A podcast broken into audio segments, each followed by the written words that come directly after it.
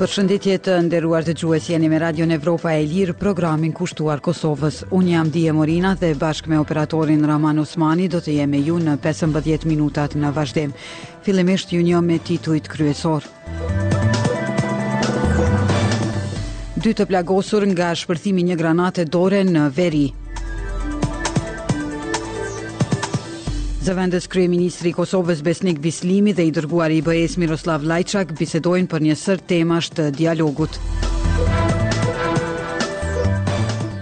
Ka gjasa që të ketë masa të përkohshme kundër Izraelit nga Gjykata Ndërkombëtare e Drejtësisë, thotë Mark Ellis, drejtor i Odës Ndërkombëtare të Avokatëve.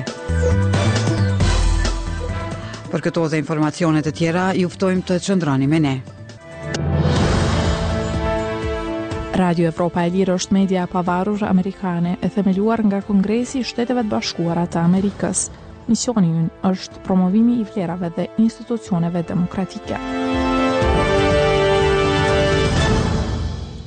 Nga shpërthimi i një granate dore në orët e vona mbrëmë në Mitrovicë të Veriut janë plagosur dy persona. Zëvendësdrejtori i policisë për rajonin e Veriut Veton Elshani tha për Radion Evropa e Lirë se njëri nga të plagosurit është në gjendje më të rëndë shëndetësore dhe po trajtohet në spitalin në Mitrovicë të Veriut. Por, sipas tij, ai është jashtë rrezikut për jetë, ndërkaq personi tjetër është plagosur lehtë.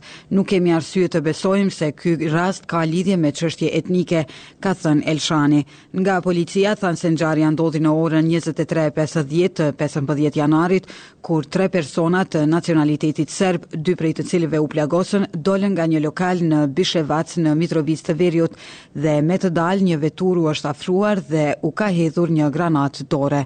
Nga shpërthimi janë dëmtuar edhe shtatë vetura që gjendeshin aty pranë, ndërkaq autoritetet e sigurisë thanë se po merren për zbardhjen e këtij rasti. I dërguari special i Bashkimit Evropian për dialogun Miroslav Lajçak dhe zëvendëskryeministri i Kosovës Besnik Bislimi U takuan dje në Vjenë për të diskutuar për një varg çështjesh në lidhje me bisedimet mes Kosovës dhe Serbisë, në veçanti për nevojën e zbatimit të menjëhershëm të një marrëveshjeje mes dy vendeve fqinje për normalizimin e marrëdhënieve. Lajçaku shkroi pasdite në rrjetin social X se u pajtua me Bislimin se zbatimi i menjëhershëm i marrëveshjes drejt normalizimit mes Kosovës dhe Serbisë Është urgjencë. Bislimi tha pas takimit në Vjenë se bisedoi me të dërguarin e bllokut për dialogun edhe për qëndrimin e Serbisë se nuk do të zbatojë pjesë të marrëveshjes. U ngritën edhe çështje tjera urgjente për zbatim të plotë dhe pa kushte të marrëveshjes bazike, si dhe biseduan për letrën e Beogradit dhe tërheqjen nga marrëveshja, shkroi Bislimi në X. Bislimi tha se temë diskutimesh ishin edhe udhërrëfyesi për zbatimin e marrëveshjes për energji dhe lëvizja e lirë. Ai gjithashtu tha se ia përsëriti të dërguarit të BE-së qëndrimin e Kosovës se njohja e pasaportës së lëshuar nga Serbia për serbët e Kosovës do të kishte ndikim të keq në integrimin e tyre në vend. E theksova se shtyrja para e propozimit për njohjen e pasaportave të jashtëligjshme të lëshuara nga Serbia ka ndikim negativ në procesin e integrimit dhe dëmton rëndë dialogun, ka thënë Bislimi. Shkarkoni aplikacionin e Radios Evropa e Lirë në App Store dhe Google Play. Palok dhe Radica Berishaj, dy pensionerë nga Prishtina, kanë rrëfyer për Radion Evropa e Lirë udhëtimin e tyre të parë të përbashkët pas liberalizimit të vizave për kosovarët. Për ta kjo ka qenë vizitë shumë e këndshme dhe pa telashe për marrje të vizës, për të vizituar djalin dhe nipin e mbesën në Bruksel të Belgjikës. Doruntina Baliu sjell materialin në vazhdim.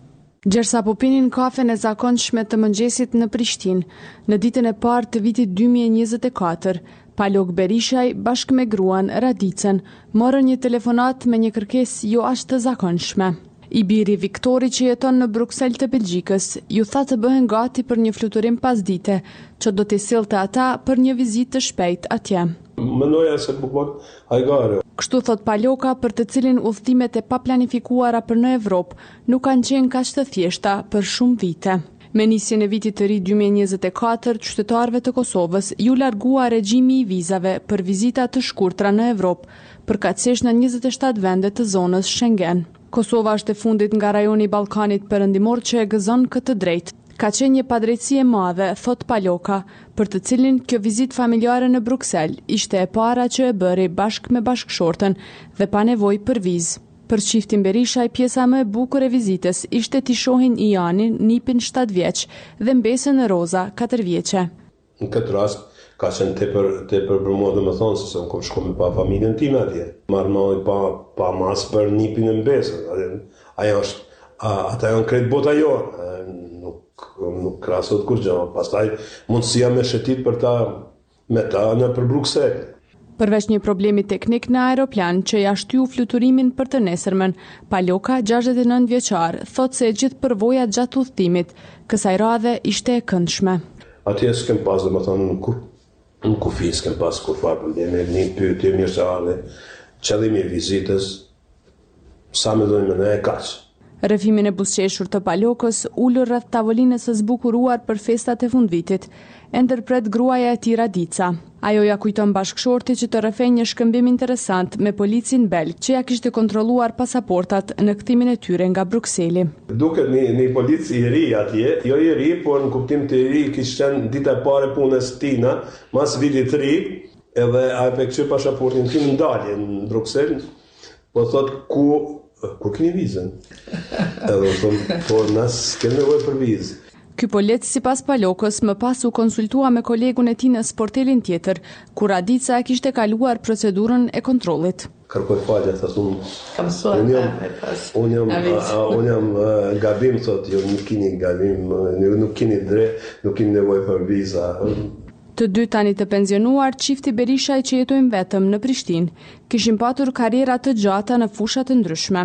Paloka me prejardhje nga Mali i Zi, kreu studimet në Fakultetin Elektroteknik në Prishtinë dhe punoi në Korporatën Energjetike të Kosovës për pjesën më të madhe të kohës para pensionit, ndërsa Radica me prejardhje nga Serbia ishte mësimdhënëse e gjuhës serbo-kroate dhe më vonë zyrtare për mësim tërëjetësor në Ministrinë e Arsimit në Kosovë. Puna në Ministri të Arsimit dhe departamenti specifik që udhëhiqte, Radica thotë se ia kërkonte të vizitonte vende të Evropës për trajnime e seminare të ndryshme.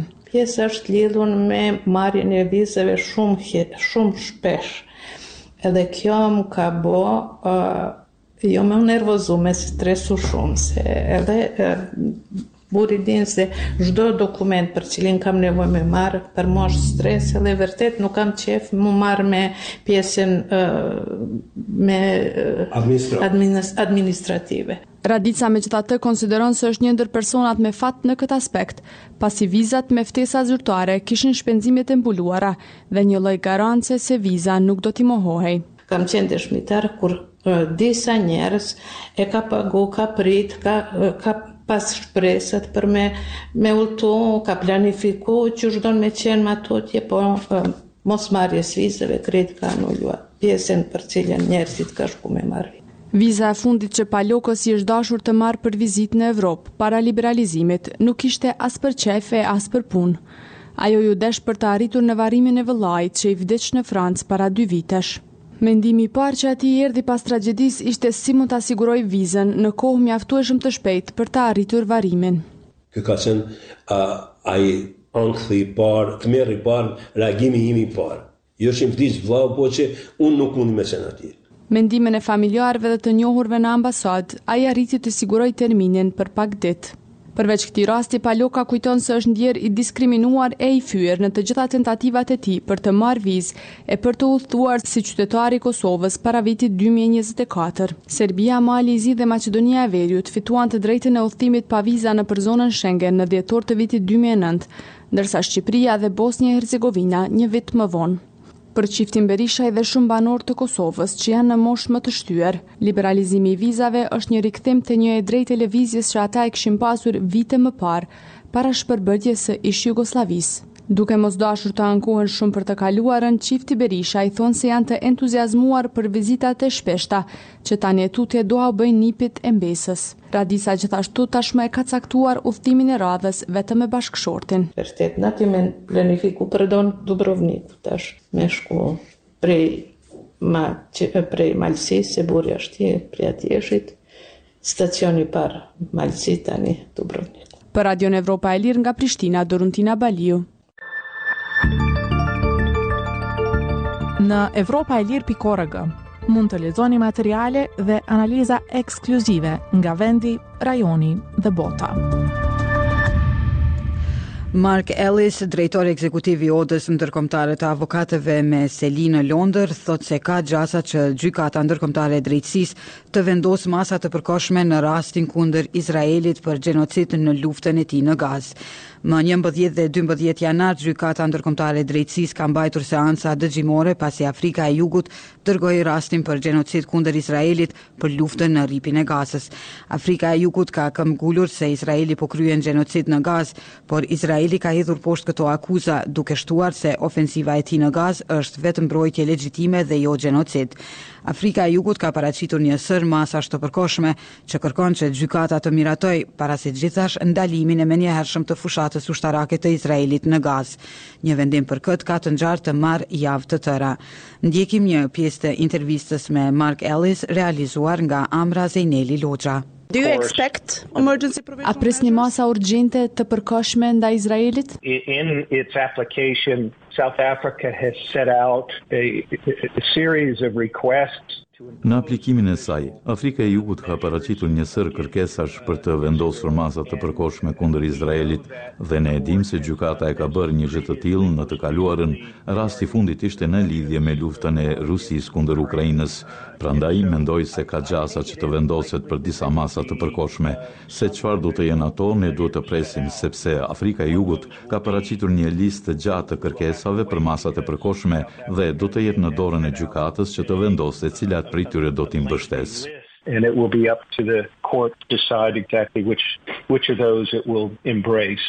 Doctor Ellis is Israel obliged to respect? Doctor Ellis, a është Izraeli i obliguar të respektojë një pezullim urgjent nëse merret një vendim i tillë ose të respektojë ndonjë masë tjetër të përkohshme? Dhe çfarë ndodh nëse nuk i respekton?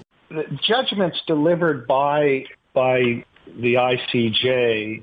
Vendimet e nxjerra nga Gjykata Ndërkombëtare e Drejtësisë janë të detyrueshme nga të gjitha palët dhe kjo bazohet në faktin se Gjykata Ndërkombëtare e Drejtësisë është gjykatë e Kombeve të Bashkuara, prandaj sikurse anëtarët e Organizatës së Kombeve të Bashkuara, shtetet duhet të respektojnë vendimet e gjykatës në çdo rast në të cilin ajo është palë.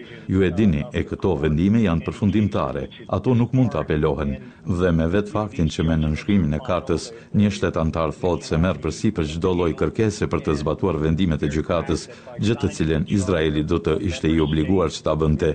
Në kuptimin e zbatimit nuk ka shumë mekanizma të zbatimit që do të siguronin që vendet t'u përmbahen këtyre masave të përkohshme dhe, sigurisht, ne në të kaluarën kemi parë shtete që nuk u janë përmbajtur këtyre masave të përkohshme.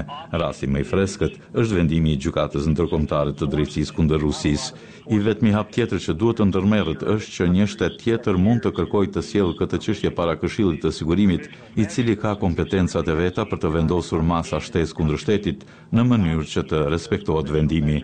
Por siç e dimë, është mjaft politik dhe nuk mendoj se tani mund të ketë ndonjë ndikim. Ligjërisht, çdo palë, çdo shtet që është palë para Gjykatës Ndërkombëtare të Drejtësisë, është i obliguar t'iu përmbahet dhe t'i zbatojë vendimet e Gjykatës. Por ne e dimë se politikisht kjo nuk ndodh gjithmonë, por ligjërisht ata janë të detyruar ta bëjnë këtë. We know politically that does not always happen, but legally they are obligated to do so. As far as I read, the case then can be taken to the Security Council, as you mentioned also. Siç e përmendët, ky rast mund të dërgohet në Këshillin e Sigurimit. por në këtë institucion është edhe fuqia e vetos. That's correct. Uh, I don't think that's what I I I mentioned the the potential of moving it to a security council if in fact E sakt, prandaj kjo është arsyeja që e përmenda mundësinë e transferimit të tij në Këshillin e Sigurimit, nëse në fakt ka dështim të përmbushjes së detyrimeve që i takojnë një shteti pas një vendimi të Gjykatës Ndërkombëtare të Drejtësisë, por në realitet kjo nuk do të ketë fare ndikim në këtë rast, për shkak të asaj që sapo e përmenda, do të kishte një veto, ka të drejtë vetoje.